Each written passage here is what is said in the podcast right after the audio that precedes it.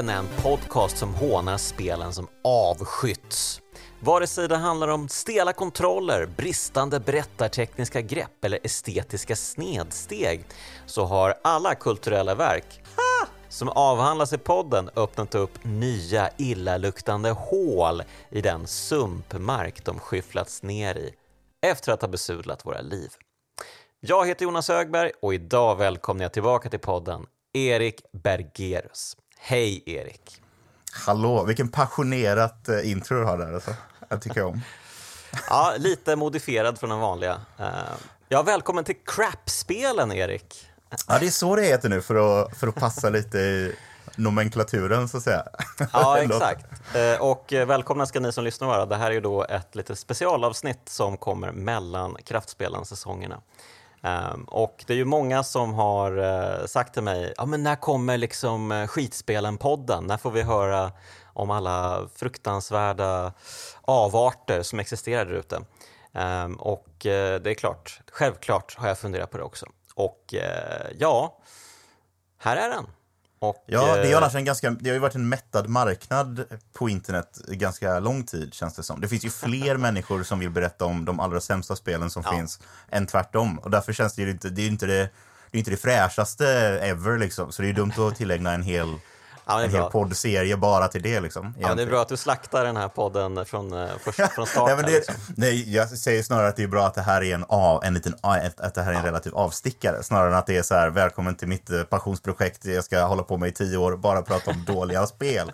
För det hade varit lite så här, eh, det hade varit lite snäppet mer sorgligt liksom. Ja, precis. Ja, men hur är läget med dig då, Erik? Vad har du hittat på sen vi sist pratades vid? Det jag hörde att på norska så säger man, eh, när, någon frågar så här, hur står det till? Så kan man svara, jag är uppe och jag gråter inte. Ah. Eh, att det är liksom lägsta eh, som, som knallar och går. Ah, Fast lite, ja. mer, så här, lite mer eh, beskrivande.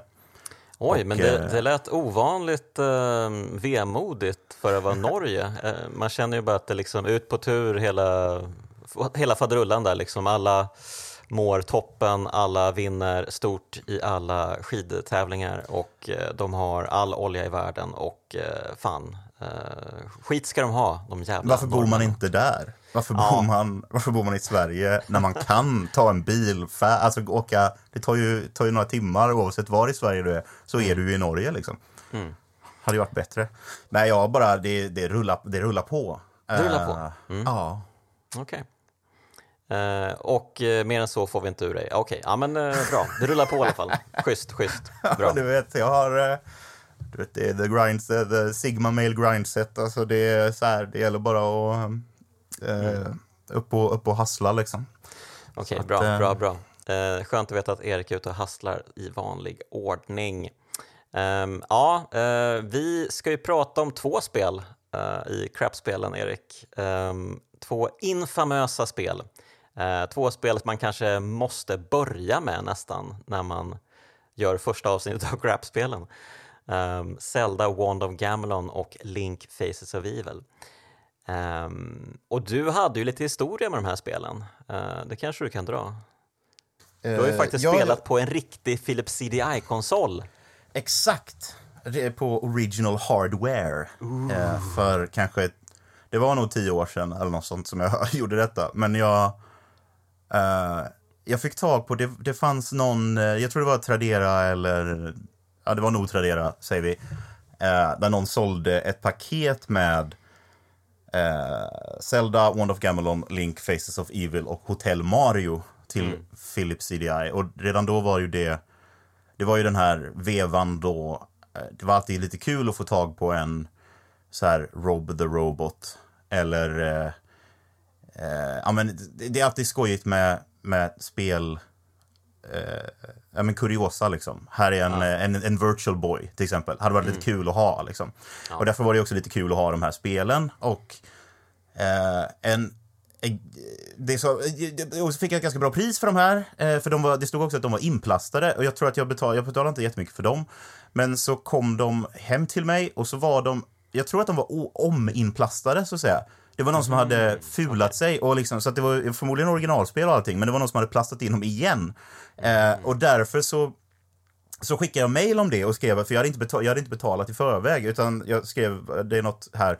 Och sen tog det ett antal månader utan svar på det och plötsligt så kom Sen fick jag mail från konkursförvaltaren för det här stället som sålde de här spelen och frågade varför, har, varför är det här en obetald post i deras eh, bokföring? Och då försökte jag förklara att ja, men jag hade problem med att det, här, det, var, lite, det var något fuffens med de här spelen för att mm. eh, de var inte inplastade. Och då lyckades jag pruta ner priset till hälften av det som det var från början, så jag tror det var det var väldigt lite jag faktiskt i slutändan betalade för de här spelen. Mm. Um, men min svåger skaffade en Philips CDI för att, eh, varför inte? Det kanske gick på en tusenlapp då eller någonting. Och vi ja. spelade faktiskt de här eh, de här eh, underbara spelen. Wow, spelade ni med trådad handkontroll eller den här infraröda kontrollen? den här sked... jag tror faktiskt att han hade en riktig eh, gamepad liksom. Och det ja. var ju klart eh, bättre. Ja. Okay. Jag, tror ja. jag, det, jag tror han hade med, vi, vi testade med den här, det var också att vi har spelat något sånt här, ett av de här edutainment eh, spelen som mm. bara tittar på konst och virtuella upplevelser i, vid, eh, vid tvn hemma liksom. Och där mm. kanske det passar sig bättre med någon sorts eh, Wiimote från 90-talet. Men eh, det gick ju, att, att styra ett plattformsspel var ju inte, inte helt hundra. Mm. Ja, men jag läste att de här infraröda handkontrollerna att uh, de liksom uh, glappade, eller liksom tekniken funkade knappt liksom. Uh, och att vissa knapptryckningar inte registrerades överhuvudtaget. Så att, ja, det hade ju varit kul. Det känns som att det var mycket sånt på alla såna här, var, varje grej man köpte som hade en, liksom en liten infraröd mottagare som man skulle placera och så skulle man försöka, så det var som att det här infraröda gjorde bara att du fick, du fick hålla den så jävla stadigt. Alltså det, tanken är att det ska vara trådlös, att du ska få lite mer frihet. Ja. Men friheten försvinner i att du måste hålla den 90 grader rakt, hålla den mot bröstkorgen, försöka få den att verkligen riktas rakt mot den här mottagaren. Så att det är liksom, okej, okay, det, jag, det jag tjänade på att jag inte har en sladd, det förlorar jag på att jag måste sitta här och, och vara stel och förhoppningsvis får det funka 80% av gångerna. Ja, oh, gud. Men eh, ja, som alla har ju säkert redan koll på Philips CDI som det är en infamös konsol, men eh, vi kan väl bara lite snabbt eh, dra lite bakgrund till varför det överhuvudtaget dök, dök upp Zelda-spel på en helt anonym spelkonsol slash Ja, alltså det var ju egentligen inte en spelkonsol, det var ju nästan typ en edutainmentmaskin, alltså någon sorts precursor till hemdatorn när man kunde göra lite allt möjligt. Um, som ja, det skulle liksom... väl säljas delvis till företag och sådär. Det skulle ju användas mm. som någon sorts, här, ja, om du vill eh, skicka ut, eh, om, om, om dina presumtiva kunder hade haft en sån där maskin hemma så hade du kunnat skicka ut en interaktiv CD-ROM med olika schyssta bilder och videor och grejer. Ooh. Vilket ju sen PCn ju gjorde ganska bra. Mm. Uh, och i någon mån så fanns ju redan, det fanns ju hemdatorer om än tidiga sådana liksom. Mm. Men det var väl just CD-grejen, det fanns väl inga hemdatorer som hade CD-spelare då liksom. Så det var ju Nej. lite, det var ju häftigt för att så här, shit, 650 megabyte av multimedia. ja, verkligen. så himla coolt. Ja, precis. Ehm, ja, men anledningen till att eh, Nintendos eh, IP dök upp här då på Philips CDI var ju att eh, ja, men alla känner ju till storyn med Nintendo och deras krackelerade relation med Sony. Ehm, de ingick ju ett avtal 1989 för att utveckla då ett CD-ROM-tillägg till Super NES som skulle erbjuda full motion video och ge dem möjligheten att göra större spel. Men Hiroshi Yamushi, som ju är en affärsman av Guds nåde, han insåg att det här var en jättedålig deal för Nintendo eh, när han insåg att CD-ROM-mediet skulle bara skjuta iväg och det skulle bli liksom värsta grejen. Eh, så då ville han ju liksom begränsa allt till eh, kassetterna som Nintendo använde. Eh, och eh, ja, men då gav han Sony långfingret eh, och eh, lierade sig med eh, Philips då istället. Eh, men, eh, det, men de fick ju kalla fötter ganska omgående även där, eh, för de hade ju sett hur uselt det gått för Sega då med Sega Mega CD. Och då struntade man bara i att göra det här tillägget. Då. Men dealen med Philips då gav Philips tillgång till Mario och Zelda och de kunde alltså göra egna spel. Ja du, det, det var ju en toppen-deal får man säga. men det är speciellt när man vet att, alltså det har ju säkert sagts förr, men just att Nintendo har ju ändå varit kända för att vara ganska, att skydda sina varumärken ganska hårt, även ja. alltså under hela ja, sen, sen början liksom. Mm, eh, mm. och att det visste att idag så kan de skjuta ner små fanprojekt oavsett hur små de är, om det finns en liten Mario liksom, och man får inte streama Nintendo-spel och de blir, de blir arga av, av minsta lilla liksom. Men det blev de ju egentligen även då, alltså det var ju inte som att, det är ju därför de här avarterna är så eh, de, de, de väcker ju någonting hos en. Alltså bara tanken mm. på att så här, ah, det mm. finns ett taskigt animerat eh, tredjeparts Zelda som är jättekonstigt. Och det blir sådär, men Fast det är ju liksom, det är ett riktigt Zelda-spel, men varför är det det? Vad konstigt ja. liksom. Ja, det är helt sjukt. Och det sjuka är ju att det finns ett tredje Zelda-spel också till Philips CDI, eh, som vi då inte pratar om idag, eh, Zeldas Adventure, som ju egentligen anses vara ännu sämre. Eh, vi har inte spelat det, men Ja, det, det var jag ju, hört också. Ja, precis. Det är ju, det är ju då, då, de här är ju liksom plattformsspel, vi ska prata om idag, men Zeldas Adventures är ju liksom mer ett klassiskt eh, Legend of Zelda-upplägg, top-down och eh, jätte, jätte, jätteful grafik och eh, superslarvigt eh, eh, ihopsatt helt enkelt. Det är såna förrenderade sprites, liksom. de är alltså, i samma, i samma stuk som liksom Donkey Kong Country och sånt där med Silicon mm. Graphics. De har liksom renderat ut 3D-figurer och sen gjort små 2D-sprites av dem. Mm. Men det, det, fanns ju så, det finns ju så många exempel under 90-talet och även tidiga 00-talet när med ordentligt fula saker där någon har gjort 3D-gubbar och sen försökt animera dem eh, i 2D så att säga. Eller liksom bara, de flyttar på sig, de, ingenting passar ihop, allting är fult. Eh, och det, det är så som det här Zeldas Adventures ser väldigt mycket ut så. Mm. Men du, innan vi går in på de här spelen, du nämnde ju att du hade norpat eh, Hotel Mario också. Uh, hur var det? det är ju, det roliga med Hotel, Hotel Mario är ju, uh, alltså som med så många av de här CDI-spelen så är det ju de här animerade mellansekvenserna som är behållningen. Ja. För, alltså, speciellt Hotel Mario är ju ett arkadspel, mer eller mm. mindre. Alltså, det är ju, så här, det är ju enskärms arkadspelsupplägg. Det, mm. det är ju som, eh, vad heter det, inte, det påminner inte eleva, vad heter det, Elevator Panic, nej. Shit. Uh, det här nästspelet, man åker i en hiss upp och ner och försöker... Ja, oh, gud, ja, vad heter det? Uh, nej, jag kommer inte Nej, det framstår jag som en uh, novis mm. inom detta, men strunt samma. Det finns ju ett antal spel, gamla arkadspel där du ska stänga dörrar Mm. Mer eller mindre. En dörr öppnas, stäng dörren. Det är ju typ det som Hotel Mario var, som, som vitt jag minns. Och det är ju verkligen så här, ingen scrollning sidled, ingen scrollning upp och ner. Uh, det är ja. bara, det är bara banor liksom. Så det känns ju väldigt ålderdomligt på det sättet. På samma sätt som det fanns vissa NES-spel som man kunde, kunde starta som var så här, aha, det, det är bara level 1 liksom. Alltså för att efter, på sätt och vis så gjorde ju Zelda och alltså det som Nintendo gjorde under det tidiga 90-talet var ju liksom spelen blev ju mer av äventyr. Och den totala motsatsen till det är ju liksom, ja, du, du spelar Pac-Man mer eller mindre med, om och om igen. Och det var ju det, var ju det som Hotel Mario var av någon anledning. Så här, ja. De har inte ens orkat bara, men ska vi göra något så här fattigt? De hade ju kunnat använda samma motor som de byggde det här, de här Zelda-spelen i, så hade de ju kunnat göra ett, ett, ett eh, halvtaskigt plattforms-Mario. Men istället mm. så gjorde de, ja men Hotel Mario, han ska, han stänger dörrar typ. Mm. det var allt han gjorde. Jag var trött var det.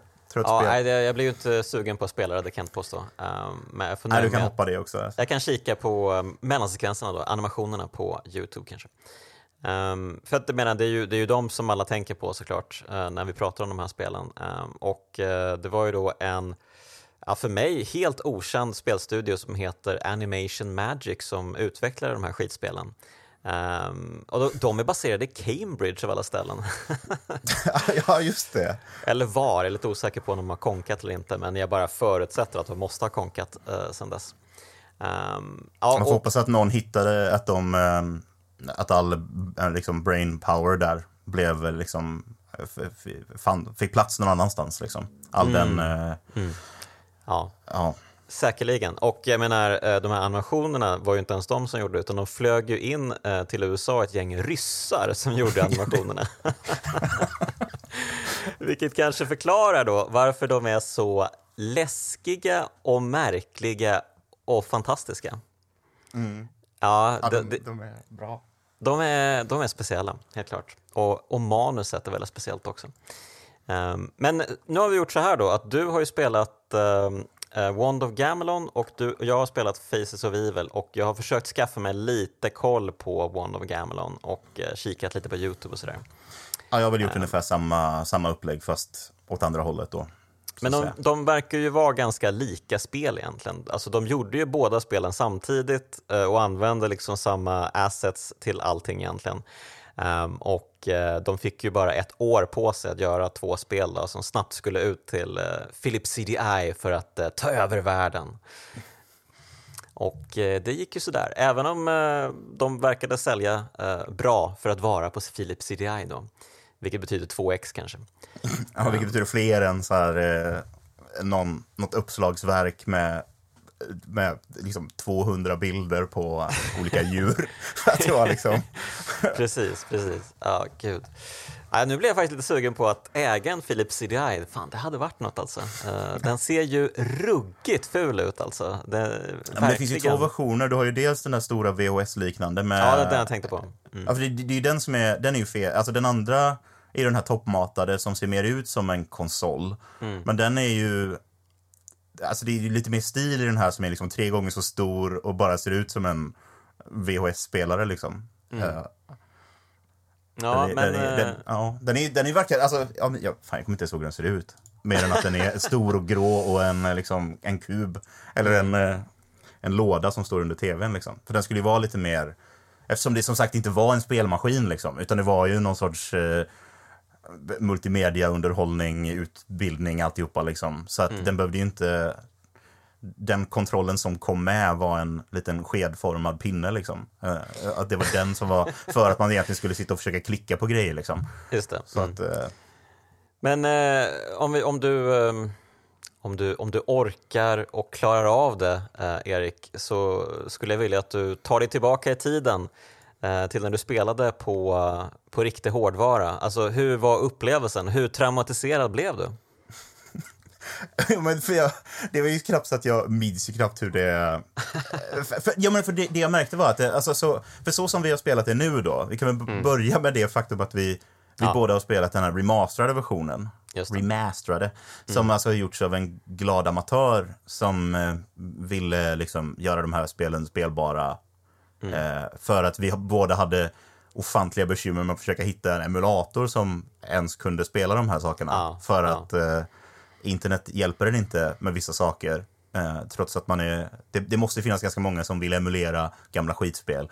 Men folk är konstiga och, och eh, det är som att den här känslan som fanns 2005 av att man inte ens fick nämna konceptet torrents eller roms. Det finns kvar på sätt och vis på ett sätt som gör att bara så här, nej, ja, fast ja, om, du hittar, om du råkar hitta den här sippen så är det det här som gäller. Och bara, mm, att det känns som att man är ute och går på någon jävla bakgata och försöker med kodord ta sig fram till att jag vill spela Wand of Gamelon eh, på Ja. min dator. Och att det är så här, men det var det ju någon en galen människa, eh, men en barmhärtig samarit som helt enkelt gjorde någon egen version av spelen då, eh, som Mm. kör native på, i Windows liksom. Ja, alltså det, först och främst, alltså det var ju som du är inne på helt fucking omöjligt för mig i alla fall att förstå. För att det var ju några som sa, "Ja, men det här kan du köra i MAME, det är inga problem. Du måste bara ha den här och den här liksom tillsatsen. Det, det laddar du ner på ett kick och fixar. Bara, Va? Helt omöjligt för mig. Eh, och så var det någon som eh, påstod att det fanns en, en riktig eh, Philips CDI-emulator, eh, vilket jag typ inte kunde hitta. Så att eh, det var ju eh, det var ett jävla gissel detta alltså. Ja, Ehm. för det, det som jag märkte då var ju att när man väl startade den här remasterade versionen, Mm. jag vet inte om jag ska säga remasterad eller remasterad, för att eh, på, det, på svenska känns det bäst att säga master, som om det var från Cambridge där eh, de här spelen ju som sagt utvecklades. Just det, just det. Eh, men eh, där är ju frameraten helt okej. Alltså de, de rullar ju bra. De går väl i, i 60 typ. 60 fps. Och det är ingen konstig, tråkig input eh, latency. Och de går liksom rent, rent fysiskt att kontrollera helt okej liksom. Ja. Och eh, när jag tittade på lite video eh, av inspelat på originalhårdvara nu på, på Youtube så är ju det är ju inte så. i original. Utan, Verkligen inte. det, det, och, och det, alltså det minns jag ju att alltså det, det var någon som sa det i någon YouTube-video jag råkade se där att anledningen till att många nog kanske startade det här spelet, försökte spela det i fem minuter och sen stängde av, var ju för att det var så det är inte bara och det, alltså vad spelet var liksom, det, det, var inte banorna eller pusslen eller, utan det var snarare att det här är så jävla okontrollerbart att, eh, och speciellt om du var tvungen att sitta med den här jävla skedformade kontrollen eller någonting, alltså det hade ju inte, det hade inte gått, du hade ju, du hade ju gett upp innan du mm. ens hade börjat liksom. Mm. Men eh, när det rullar i 60 och, eh, och bara funkar så sett så, eh, så det var ju, det, det gick ju då. Men att, att spela i de här i liksom 12 bilder per sekund eh, med en kontroll som, som, med, som går på IR och som laggar efter hela tiden. Mm. Det, jag tror inte att man hade Alltså det hade tagit betydligt längre tid än vad ah, det borde gud, göra. Alltså, gud, ja. Och eh, jag menar, alltså, den remasterade versionen har ju även ett bättre kontrollläge som man kan använda. Um, för i originalutförandet så måste man ju uh, till exempel ducka när man ska gå in i menyn eftersom den är på samma knapp som uh, items tror jag, eller något sånt. Um, jag spelade... Ju... Ja, ja. Eller men... det här med, kombinerade knapparna, för att man ja. kunde ju välja, i den remasterade, så eh, kunde du välja att spela med, eh, med nya kontroller eller gamla kontroller. Jag tror att jag spelade med de gamla, vilket mm. innebar att, för, samtidigt inte helt och hållet, för att i originalet så hoppar du ju med uppåt. Ja. Eh, så det, har, det är fortfarande det är utbytt även i Tack den här remastern. Så kan man, för det, det hade varit det hade varit Men just att eh, jag körde fortfarande med den här grejen att det finns en knapp för att gå in i dörrar. Men ja. den knappen är densamma som för att öppna menyn om du duckar och trycker på den. så att säga. Det, för du trycker det. på neråt och, och använd knappen för att vilket gör att du inte kan öppna menyn när du står vid en dörr. Vilket mm. gör att du måste flytta dig från dörren. Och, ja. och, detta, och detta blir ju ett... Det, det, kommer ju naturligt, det blir naturligt så att om du går in i ett rum som av oförklarlig anledning är alldeles kolsvart så att du måste använda din lykta, men så har du inte din lykta vald, då måste du trycka neråt och trycka på gå in i dörren-knappen. Men om du redan står precis vid dörren för att du har gått in i det mörka rummet, då kommer du gå ut igen. Och då kanske det står en fiende precis utanför och kastar en yxa i huvudet på dig och så, och så blir du ledsen och så får du liksom gå in i rummet, flytta dig till höger lite, hoppas mm. på att du är bredvid dörren och sen försöka gå in i menyn igen.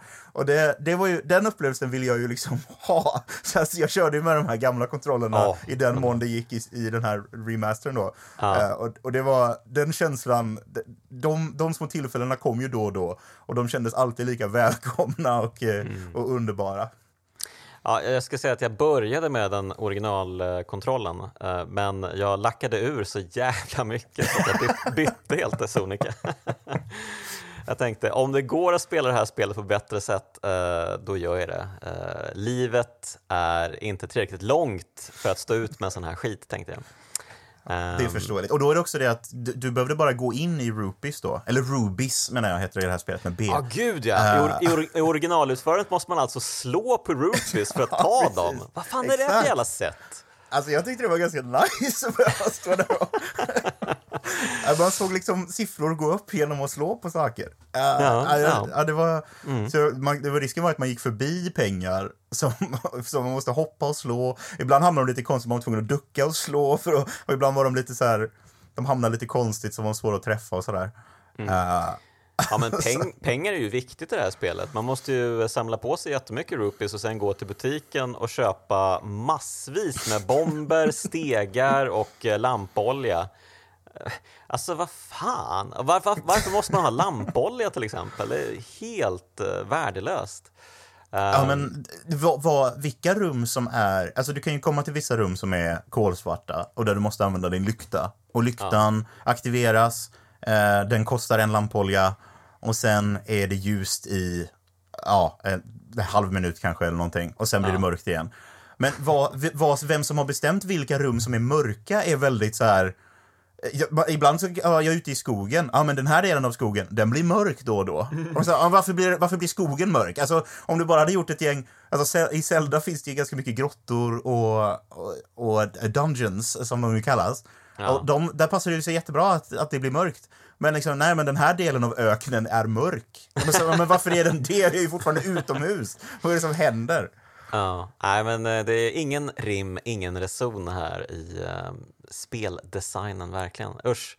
Um, men uh, vi kanske kan börja med uh, mitt spel då, Faces of Evil. Um, och eh, alltså det, det, första jag tänkte på när jag startade det här spelet var att eh, musiken inte är helt värdelös.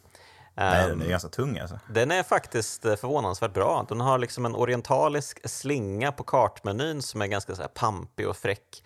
Och så finns det några riktigt tunga beats på snöbanan som har liksom bara yeah, det här är ju det här är ju bra på riktigt. Um, så att, uh, och liksom grafiken är ju den är okej okay ändå. Liksom, det är ju liksom, ser ut att vara gjort lite med målarfärg, eller med vattenfärger.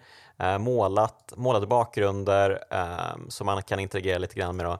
Eh, grejen är ju dock att det är ganska svårt ibland att se vart man kan faktiskt hoppa i bakgrunden eller på, eh, på banan eftersom allting är lite samma färg. Ingenting är liksom accentuerat riktigt. Jo, några saker är det, men ibland så är man helt lost liksom hur man hoppar runt på banan faktiskt.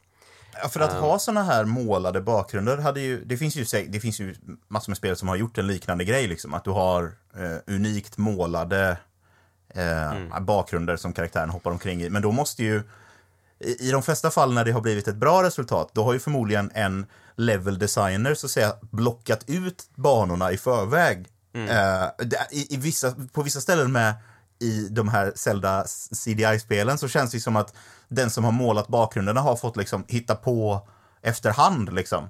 Mm. Att så här, ja men här, här kan det vara en sten. Alltså, jo men kan man typ hoppa till den stenen utan att det, så blir det, blir inte det lite konstigt att det här hålet är nästan smalare än vad Link är, eller vad mm, Zelda mm, är, mm. men man kan ändå ramla ner i det hålet. är, inte det lite, är inte det konstigt liksom? För det hade ju en level designer tyckt var konstigt. Men eftersom ja. personen som liksom har som har bara liksom visuellt designat den verkar vara samma person som liksom har blockat ut den i sitt huvud medan de har målat den liksom, i vissa mm, fall. Mm. Alltså, för det, det, är ju som sagt snyggt, alltså det, det funkar ju. Och vissa delar ser ju betydligt mer ut som det är rena, alltså här är en planka, den kan man stå på. Man säger, ja ja, jag ja, fattar. Ja. Och det här är en stege jag kan klättra på. Jo, okej. Okay. Men just att de inte riktigt, vid flera tillfällen så vill de liksom att man ska hoppa uppåt. I, ja. Alltså det ser inte ut som att du kan, liksom, du kan ju inte gå i, i djupled normalt sett i spelet. Liksom. Du kan inte röra dig i mm. djupled, men du kan hoppa dig i djupled om man säger så. Genom att hoppa på ett antal små grästuvor så är du ja. plötsligt högre upp på skärmen, vilket gör att du på sätt och vis är på andra, ja, på andra sidan av den här liksom muren som går jäm, jäms med kameran. Alltså det blir, det blir bara konstigt för att man, man hänger liksom inte med. men vad, vad är framför vad? Varför, kan jag, ja. varför måste jag hoppa upp för den här slänten liksom? För att slänten består av tre stycken små grästuvor som, man, som flyger som man kan stå på liksom. Ja, det är, ett två, det är ju ett 2D-plattformsspel eh, som tror att det är ett 3D-spel.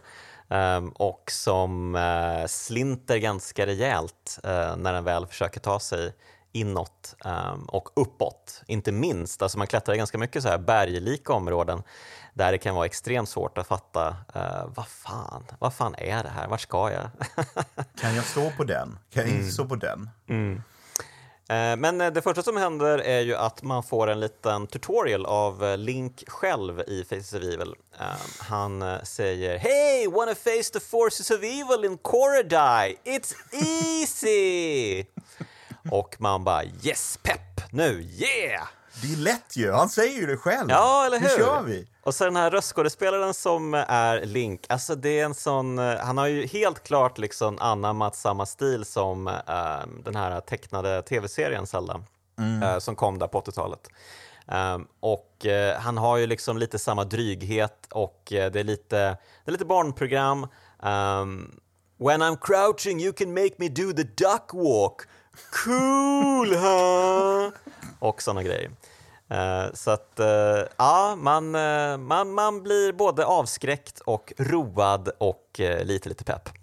Ehm, och man får ju då insyn i den fruktansvärda kontrollen då. Lucky I brought my smart sword. It won't hurt anyone, but it'll make them talk. När man pratar med karaktärer i spelvärlden. Då. Jag älskar när de hittar på sådär, nu, nu ska vi ha en diegetisk liksom, narrativ förklaring till att så här, ja, men jag har ett så bra svärd så det skadar inte den där gamla tanten, det får bara den gamla tanten att prata.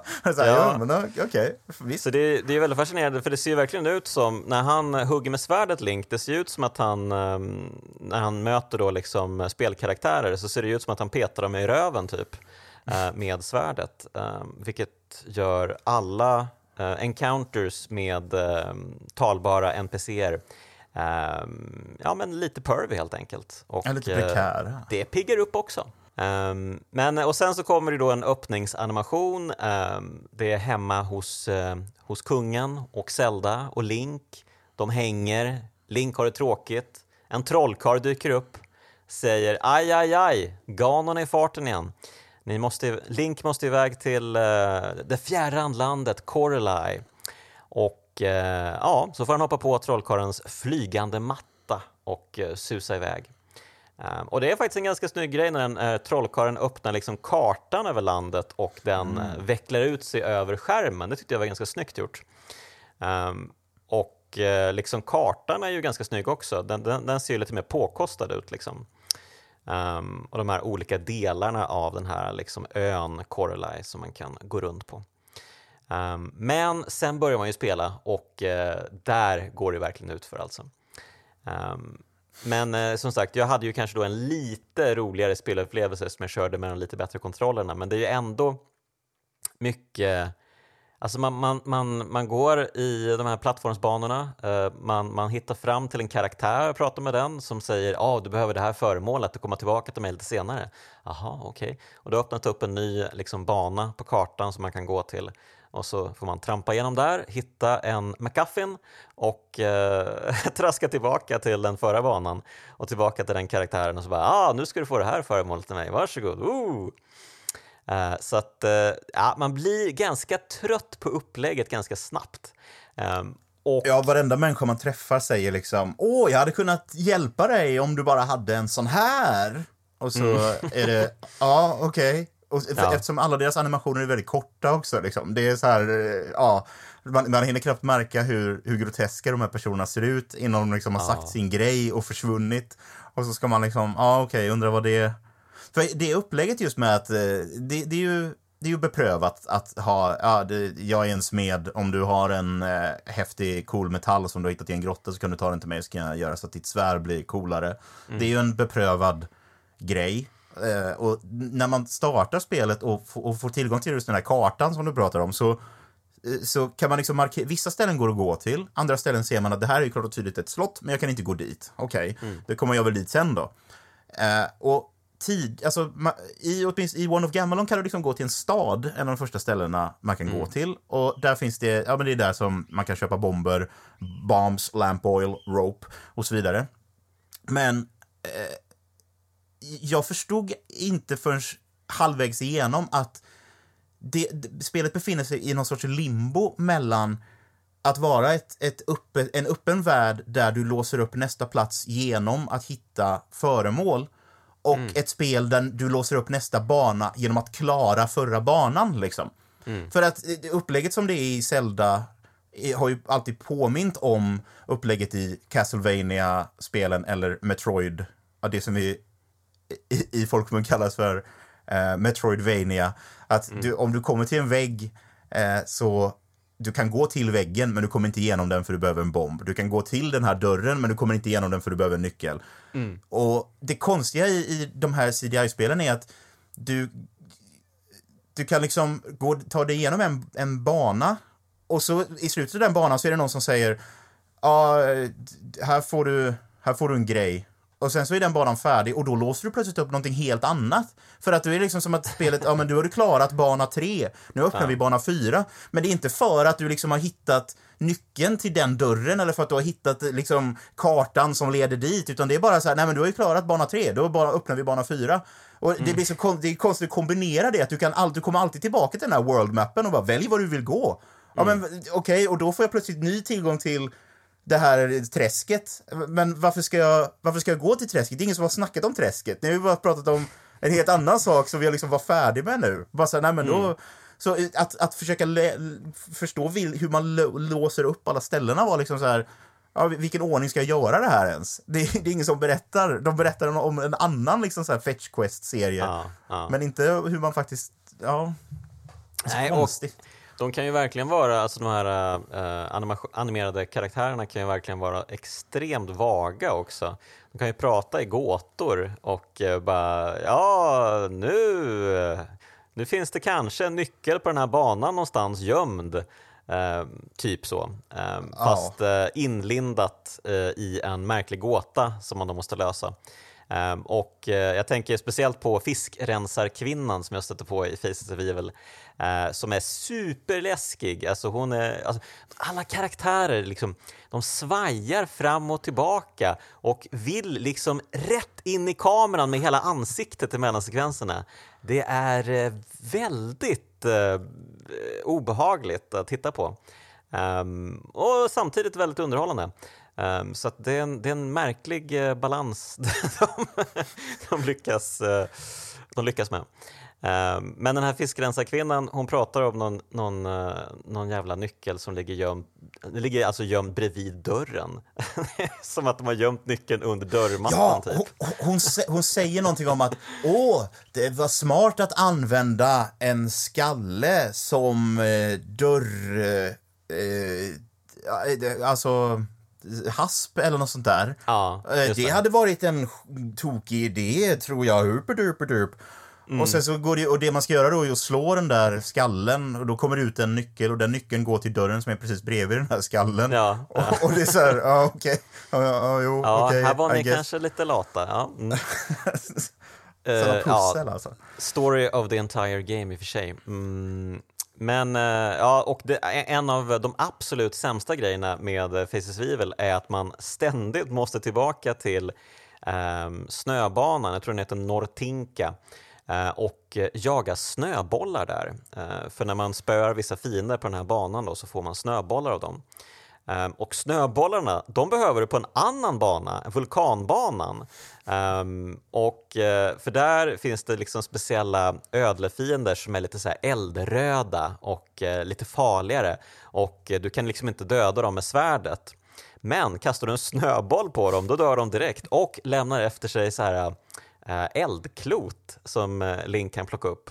Och därmed gå tillbaka till snöbanan och hitta speciella fiender där som man kan kasta snö eller de här eldkloten på så att de dör. Och man bara hjälp! Och så måste jag liksom hela tiden ha eh, tillräckligt med snöbollar och eldklot i mitt inventory när jag, när jag liksom går fram och tillbaka mellan, mellan alla banor.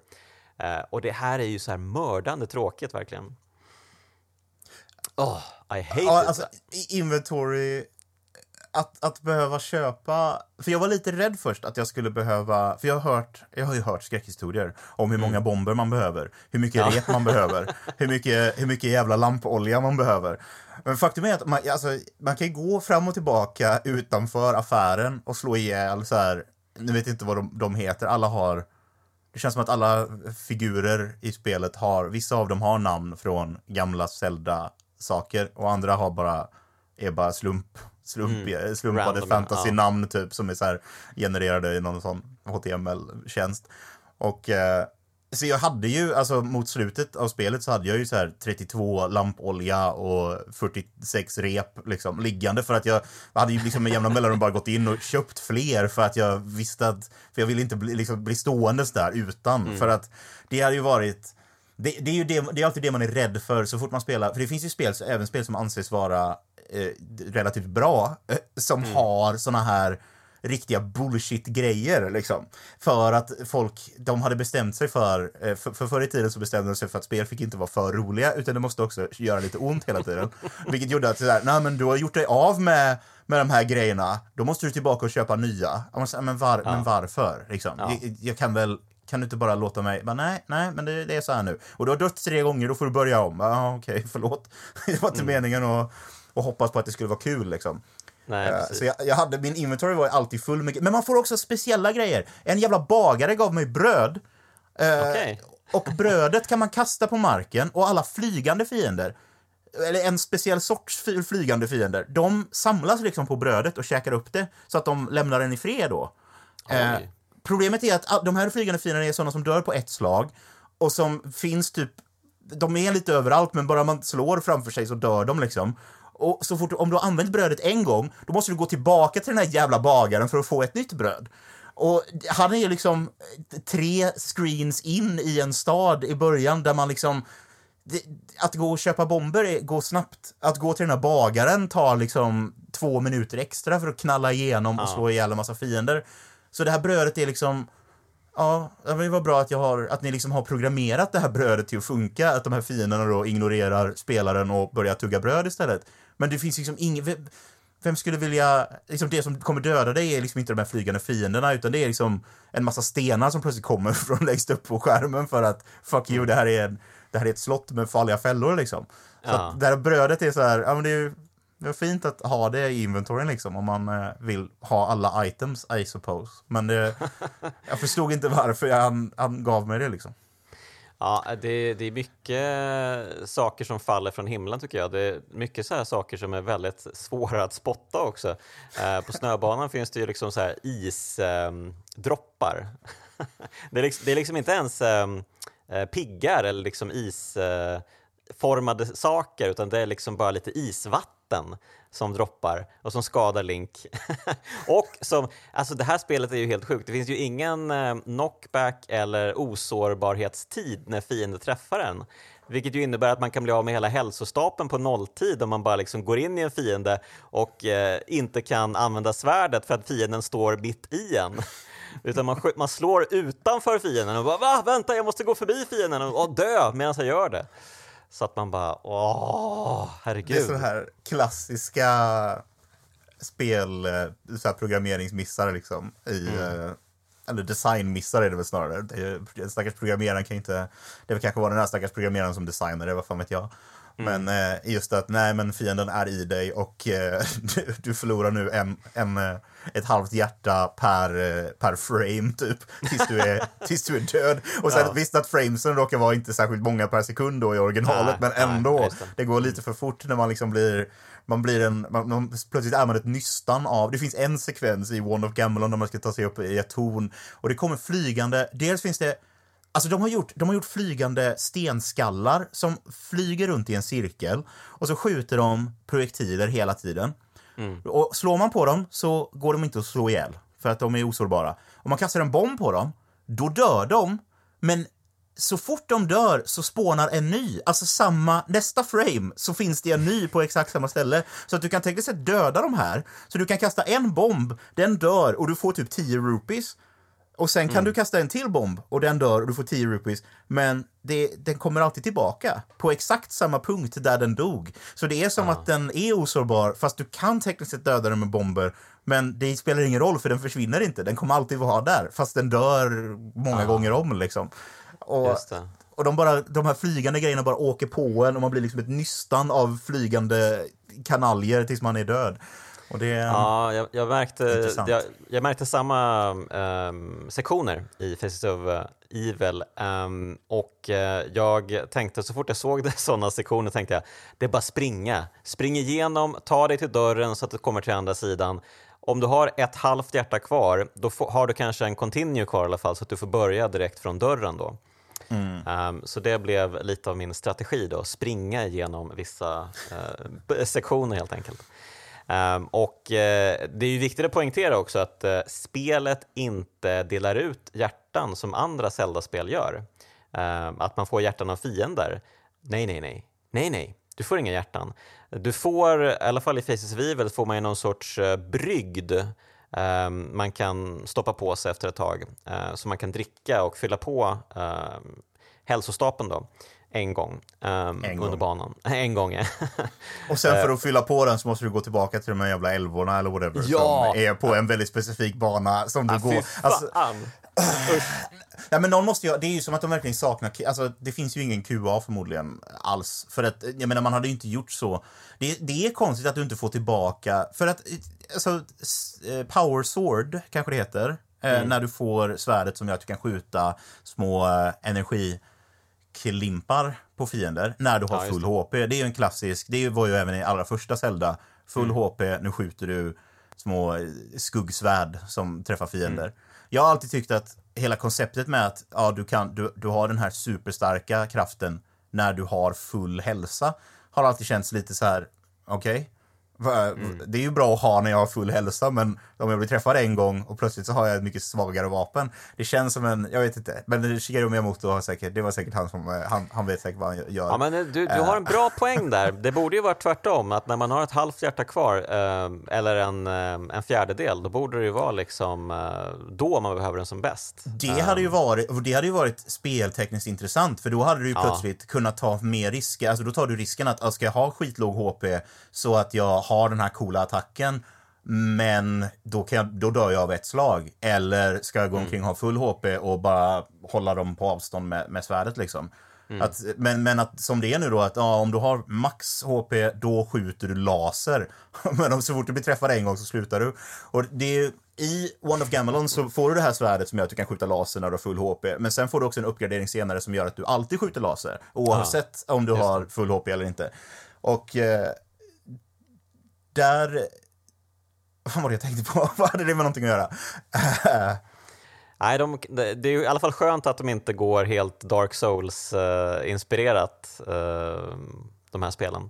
Nej, men, jo, men det, var det, det jag tänkte på var att du inte fick tillbaka HP. Nej. Precis, för att eftersom nej. du aldrig kan få tillbaka HP av att slå fiender, du kan inte hitta hjärtan. Och det gör liksom att om du har det här svärdet som gör att du skjuter, skjuter ljusprickar och sen blir du slagen en gång, då kan du liksom inte ens få tillbaka den den, den eh, hälsan liksom, förrän mm. du är mm. död och börjar om.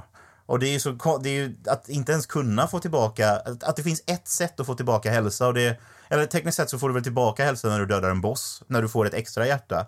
Ja, och, så får du, och så får du tillbaka hälsa när du dricker den här febrygden som du mm. då bara kan eh, få på ett ställe och som du kan använda en gång. Och om mm. du blir av med den så måste du gå tillbaka och och också för att använda då så måste du ju ta dig in i den här knuggliga menyn, välja den saken, gå tillbaka till spelet, trycka på använd, använd föremål-knappen och sen hoppa in i menyn igen och byta till repet eller bomben eller vad det är du ska. Ja. Så att det finns liksom det, det, finns ingen uh, förklaring till varför det är så, mer än att det var någon som hade en idé, de tog den första idén liksom. Det var så här, mm. jo men det är väl schysst om de här fena kan ge en eh, en, en HP-potion liksom. Jo, men det är ju mm. nice.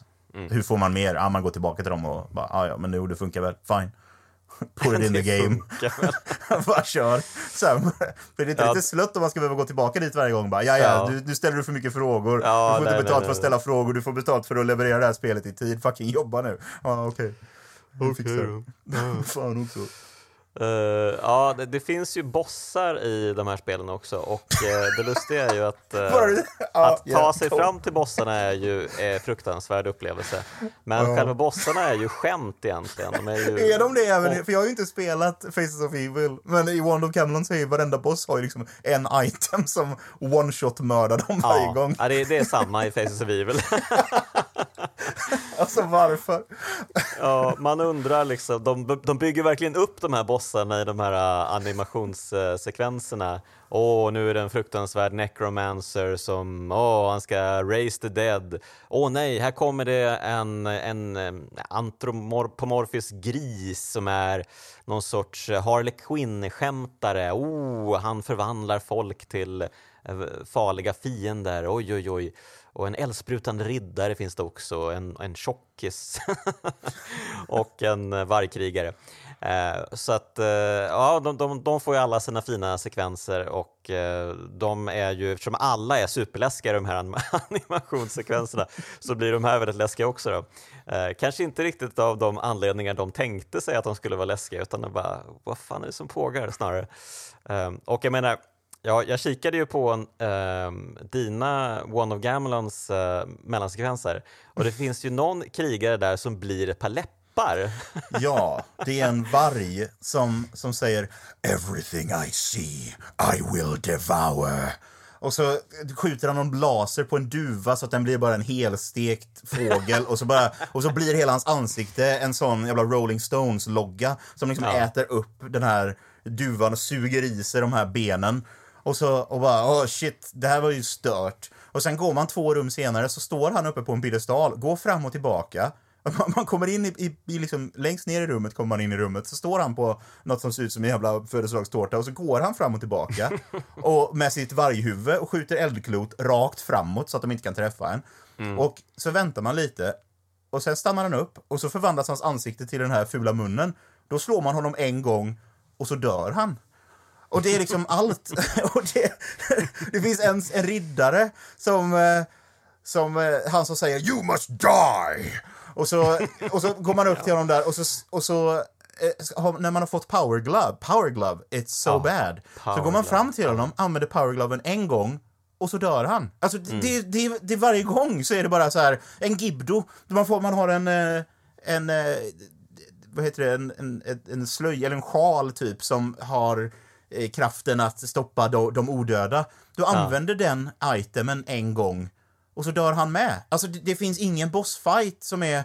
För det som man kan tänka sig, som har gjorts hundratusentals gånger, är ju som, här finns en boss, den är osårbar fram tills att du har någonting som kan skada honom och då får du köra en bossfight liksom. Ja, men här är det liksom, han är osårbar fram tills att du har den här grejen som bara dödar honom direkt. Och då är ja, så här, men... men varför? Varför? Precis.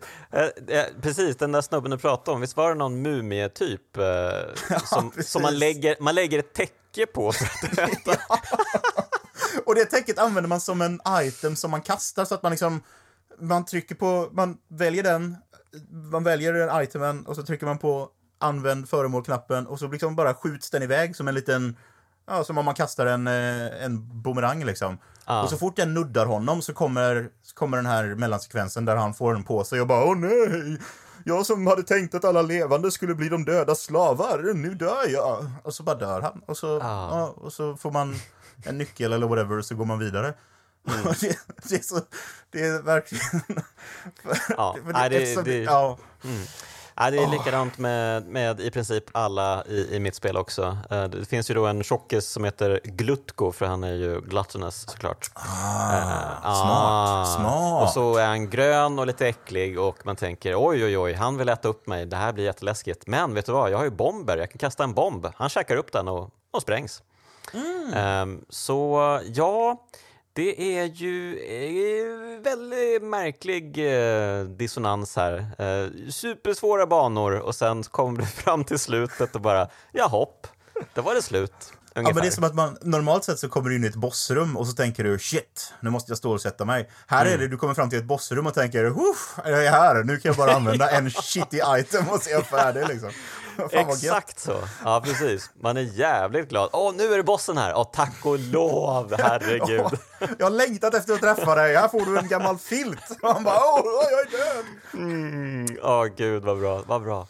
Ja, eh, ja, det här spelet är ju väldigt, väldigt märkligt. Väldigt, väldigt märkligt. Och eh, till slut så når man ju fram till eh, Ganon då och eh, han är ju precis lika enkel som alla andra bossar.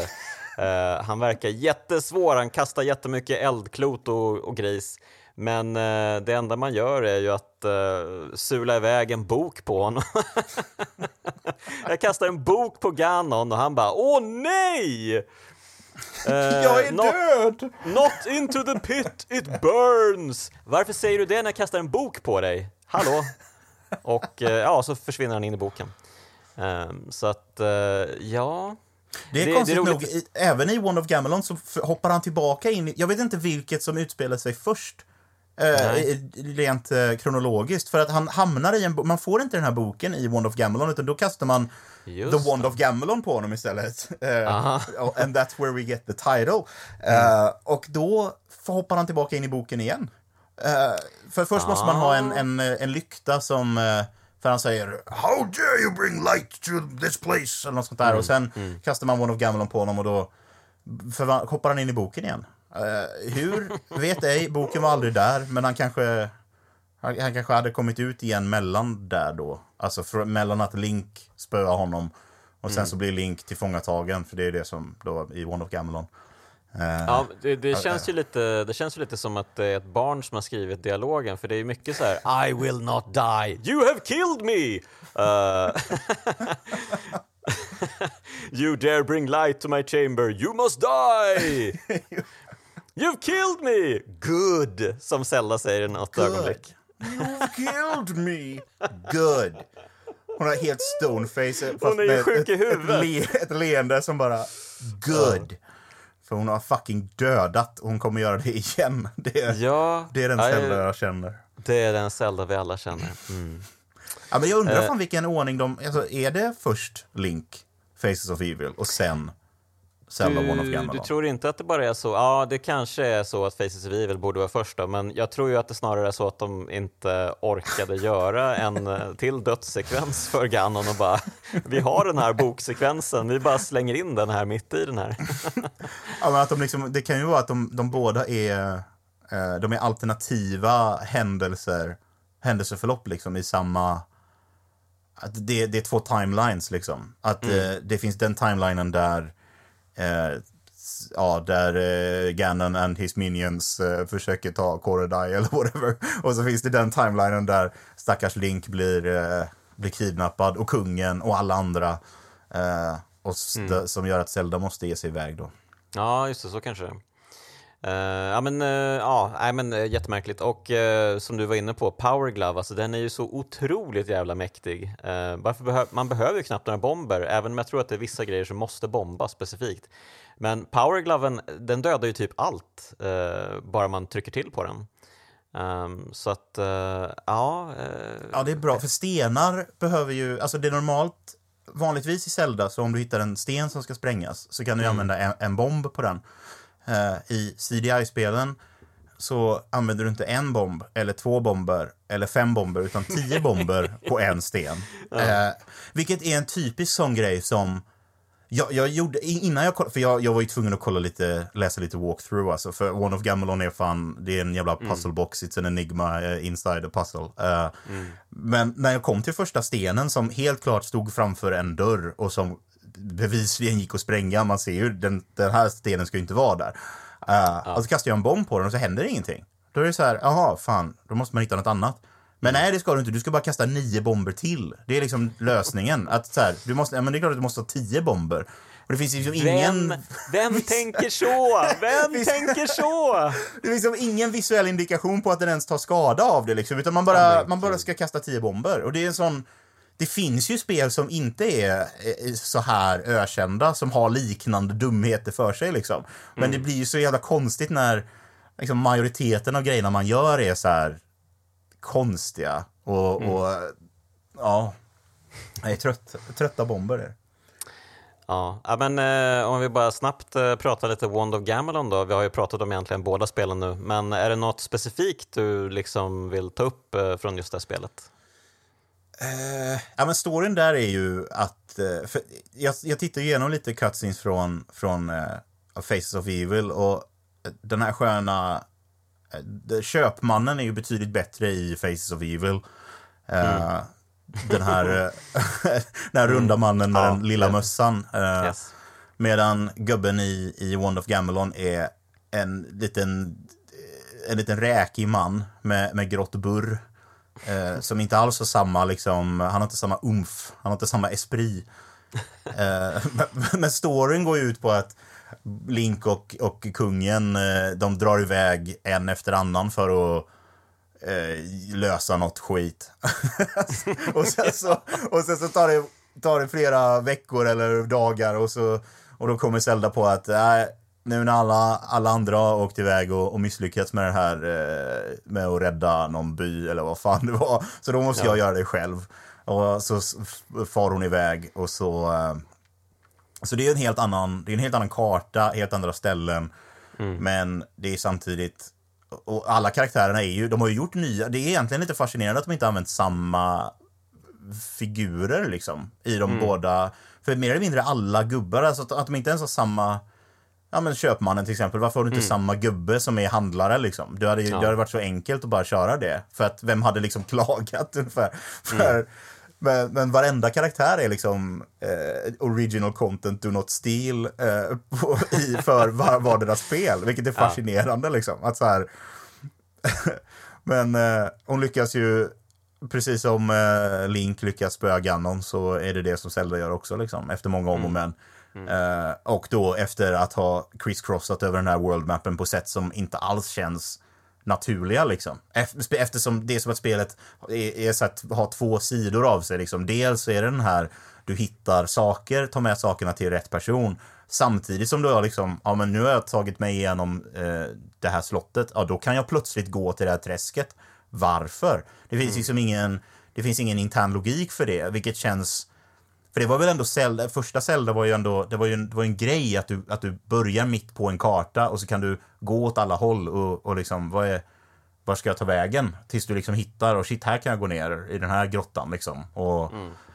och, och, det är liksom det konceptet som de har byggt på sen dess. Och att här så är det som att de har det tänket lite, att så här, jo men du kan men du har, de har liksom låst, de, de har bara låst upp så här, tre ställen du kan gå till men anledningen till att du inte kan gå till de andra är, har ingen förklaring mer än att nej men det här är, det är senare liksom. Man måste, ja, ja, men vi kunde ju åtminstone haft någon som säger att så här, du måste gå till träsket. Då hade jag liksom fattat, okej okay, jag går till träsket nu då liksom. Istället för bara, ja du får slumpa runt på kartan liksom. Mm. Ja, som sagt, jag såg ju bara lite, lite gameplay och eh, framförallt de här mellansekvenserna. Men jag tyckte det var så gulligt att de i den inledande så här, sekvensen när eh, kungen först drar iväg och sen Link då, eh, så, så vill de verkligen liksom få in den här Zelda-känslan.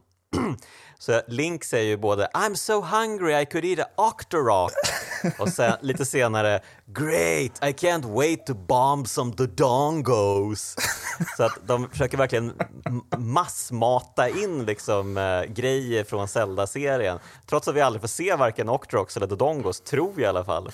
Ja, de äh, finns tekniskt sett. De ser jävligt konstiga ut. Men de är, okay. alltså tekniskt sett är, är Dodongos är de här gråa, eh, liksom noshörningsliknande saker som går fram och tillbaka. Ja, är det dodongos? De, de okay. som tål en jävla massa stryk, de är tydligen dodongos. Mm, okay. Och Octorox är väl de där spindelliknande jävlarna med ett öga, tror jag. Eller om det är Gom... Det kanske är Gomas. Skitsamma. Ja, ja det... precis. Gomas är ju spindlar. Octorox ja. är väl de här bläckfisk-typerna som hoppar upp i vattnet. Ja, just det. För de har, så, de har Sola, de kallas inte för Sora, utan de kallas för Sola. Det är, de ser ut som, mm. de ser ut som eh, vad heter de, myrslokar som sticker mm. ut ur vattnet. Alltså, Soras har ju sett ut på väldigt olika sätt eh, genom spelen liksom. Ah. Men de har nog aldrig sett så eh, ofrånkomligt episka ut som de gör i CDI-spelen eftersom de är liksom bara små bruna, lång, har långa ja. snokar och bara ser jävligt sköna ut.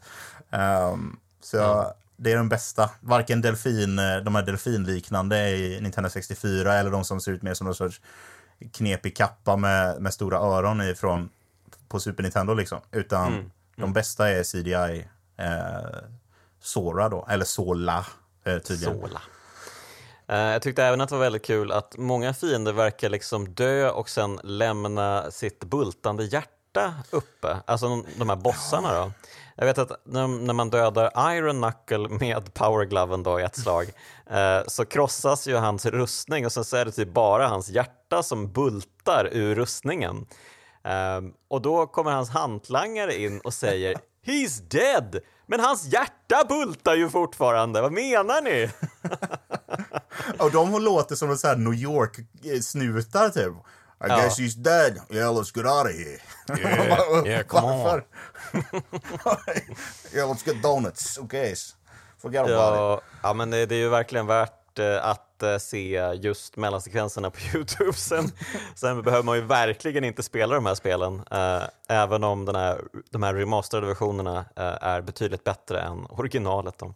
Ja, men för när, det, ändå det liksom den första känslan som jag ändå fick av att spela de här, när du då, när du fixar eh, bildfrekvensen och eh, att kontrollen inte är laggig och konstig och sådär liksom, så att det som mm. är kvar är liksom ett Alltså det som slår mig ändå är att det som är kvar är ett, är ett ganska mediokert plattformsspel egentligen. Ja. Alltså ja. det är ju det, det, finns ju många saker som är, som sagt musiken är, är rätt fet vid sina tillfällen liksom. Alltså mm. de, all, mm. alla, alla tracks är liksom åtminstone helt okej okay och i vissa fall rätt bra. Uh, och de här bakgrunderna är ju, alltså det spelet ser ju helt okej okay ut. Uh, förutom de gångerna då det är liksom formen uh, mm. skälpes av, eller funktionen skälps av formen genom att du inte liksom ser vad som är en plattform och inte och sådär. Mm. Men det är ju det är fortfarande ett, det det finns ju spel som är, alltså samtida spel som var som, alltså det finns betydligt sämre spel, är ju grejen. Ja, alltså det finns ja, ju riktigt verkligen. unkna eh, spel från, alltså om du samlar liksom så här knappt spelbara saker från, från 90-talet liksom. Det finns ju grejer som är sämst verkligen, som är sådär men det är också det att det gör ju att de kan man ju knappt, alltså de går ju knappt att diskutera för att det går knappt att spela dem liksom. Alltså för att då, då finns det ingenting där att göra liksom. Det blir bara så här, ah, ja, jag, jag dog och dog och dog och det hände ingenting och sen typ hängde det sig. Det är så här, ja ah, okej. Okay. Medan det här är ju, i sin remasterade version så är det ju liksom så här, ja det här är ju fullt spelbart. Men du måste fortfarande sitta med, med en guide för aha, jag ska, det, ah, okay, jag måste slå på den grejen, eller jag måste kasta tio bomber där, eller jag måste gå tillbaka till det här stället. Okej, okay, det visste jag inte ens. Alltså, det är många grejer som är så kryptiska och konstiga liksom. Men det var, var, var och varannat spel under den tiden var ju så här, köp eh, Nintendo official players guide så att du faktiskt ja, kan klara den här skiten. Liksom. Just det, eller ring till hotlinen eh, och ge oss dina pengar oavsett bara. ring, till, ring till Bergsala och, och, och gråt ut. så här, hur gör man? Hjälp! Mm, ja. Ja, nu, nu, eh, nu får jag varma känslor här och minns det glada 90-talet. Vad härligt. När, all, när, när, spelen var, när spelen av någon anledning tog hur lång tid som helst att spela. trots att de, ja. så här, när, man, när man tittar på en, inte ens en, en speedrun utan bara en let's play, liksom, så ser man så här, aha, två och en halv timme, Var, varför det? Och då, mm. det jag visste att jag spelade det här spelet i tre månader, liksom. varför, varför går du och spelar det så fort för? Varför är det ens en grej? visst att alla spel är så jävla korta för att man dog Jaha, bara när man känner till allt man ska göra i spelet, då var det visst jättekort. Okej. Okay. alltså, då kan man, när man inte går fram och tillbaka och inte fattar och sen dör och måste göra om halva skiten igen, då är det så här, jaha, det var... Mm. Ja, det var, nej, det, vissa saker hör det förflutna till, helt klart. Um, och uh, det gäller nog uh, Wand of Gamelon och uh, Link Faces of Evil synnerligen. Ja. Så kika på dem på Youtube istället. Jag tänkte bara fråga dig, för du är ju ändå Youtube-kung. Eh, det här, alltså, de här spelen blev ju populära som Youtube-poop. Jajamän! vad, vad är Youtube-poop för något? Eh, alltså jag har ju inte själv mycket, jag har gjort lite, jag har poopat lite måste jag erkänna. Men det är inget, eh, det är inga, okay. stor, det är inga större eh, projekt. Köttar. Nej, inga, inga rönnskitar där inte. Nej, okay. Men, eh, men eh, Youtube Poops var ju helt enkelt eh, alltså att man, kli, man klipper gärna gamla konstiga videor och så klipper du sentence-mixar så att det låter som folk säger saker de inte säger. Mm. eller bara eh, klipper ihop saker på ett dråpligt sätt. Eh, det var väl en det fick väl sin stor, alltså det, det, kom väl i och med, alltså det tog ju inte lång tid mellan att Youtube kom och att den första Youtube-poopen kom, tänker jag. Mm. För jag minns att jag mm. tittade på Youtube-poops runt, alltså 2007, 2008 någon gång liksom. Eh, och, eh, och då blev ju Zelda CDI, alla CDI-spel blev ju eh, centrala, eh, liksom, huvudtexter för det här, för det ämnet liksom. Att så här, vi tar när, när Link säger, alltså det, jag brukar ju bara, alltså jag kan ju fortfarande gå runt och, och bara så få någon sorts här pseudo-tourettes när jag bara säger This is what all true warriors strive for, come! för att det var så här, det var ju bara på den nivån av, ja. av roligt liksom. För ja. att så, som med allt annat så brukar det ofta balla ur i att det bara blir sex jokes, sex jokes, sex jokes. Så här, det är roligt att den här, att Mario säger något med, med penis liksom. Men mm. det, det är ju samtidigt inte det, det är inte att han säger penis som är det roliga oftast. Alltså de roligaste poopsen är ju liksom eh, det, det, är ju snarare hur liksom goddag yxskaft det är eller hur mm. För det kunde ju ofta, liksom en typisk YouTube-poop kunde liksom du börjar med lite det här att ja, men folk pratar förbi varandra på ett konstigt sätt och det är lite, folk är plötsligt upp och ner och så här. Och sen kan det plötsligt komma liksom en, en eh, någon schysst mus, någon musikslinga som liksom är så 30 sekunder av bara så kungen i i uh, Zelda CDI som liksom, man gör en hel låt bara av hans hmm-ljud liksom. Och att det är ju, det är ju höjden av, det finns något så, något så rent, liksom något som, det finns något så äkta i liksom bara hur kul det är med att saker, att det bara är så här fånigt liksom. Att, att det bara mm. är konstiga ljud och liksom, det går liksom för fort. Det går, man spelar saker baklänges. En supervanlig eh, YouTube-grej är ju att man om, om någonting, om, istället för att säga, om, om någon säger Zelda, då kan du ju, om du bara tar första Z och sen tar du, dub, dubblerar du den och vänder på den så att det blir zez. Så är det liksom jätteroligt. För då kan ah. du få vem som helst att bara ta liksom att du... så att det är home, home service. Eh, jag tror det är en, en superklassisk icke-CDI-poop där Eh, det är någonting med Home Service Repair och då bara byter de det till HASIS. Eh, och, liksom, och att de liksom konsekvent kallar det för HASIS är liksom... det, är verkligen, det är verkligen otroligt roligt. det, finns, det finns få saker som är, som är roligare liksom, egentligen. Ja, ja men eh, bra, bra. Då får man eh, se Youtube-poop helt enkelt med eh, de här skitspelen istället, eh, antar jag. Ja, det är alltså det eh, bästa sättet uh, att, att, uppleva dem. Att uppleva det här överhuvudtaget, det är helt klart. Ja, ja underbart. Uh, ja, jag tänkte uh, om du skulle sammanfatta dem, men det tror jag knappast att du behöver. varför, är ett, varför är de crap-spel för? men jag tror att det har man nog koll på redan innan man lyssnar på det här avsnittet.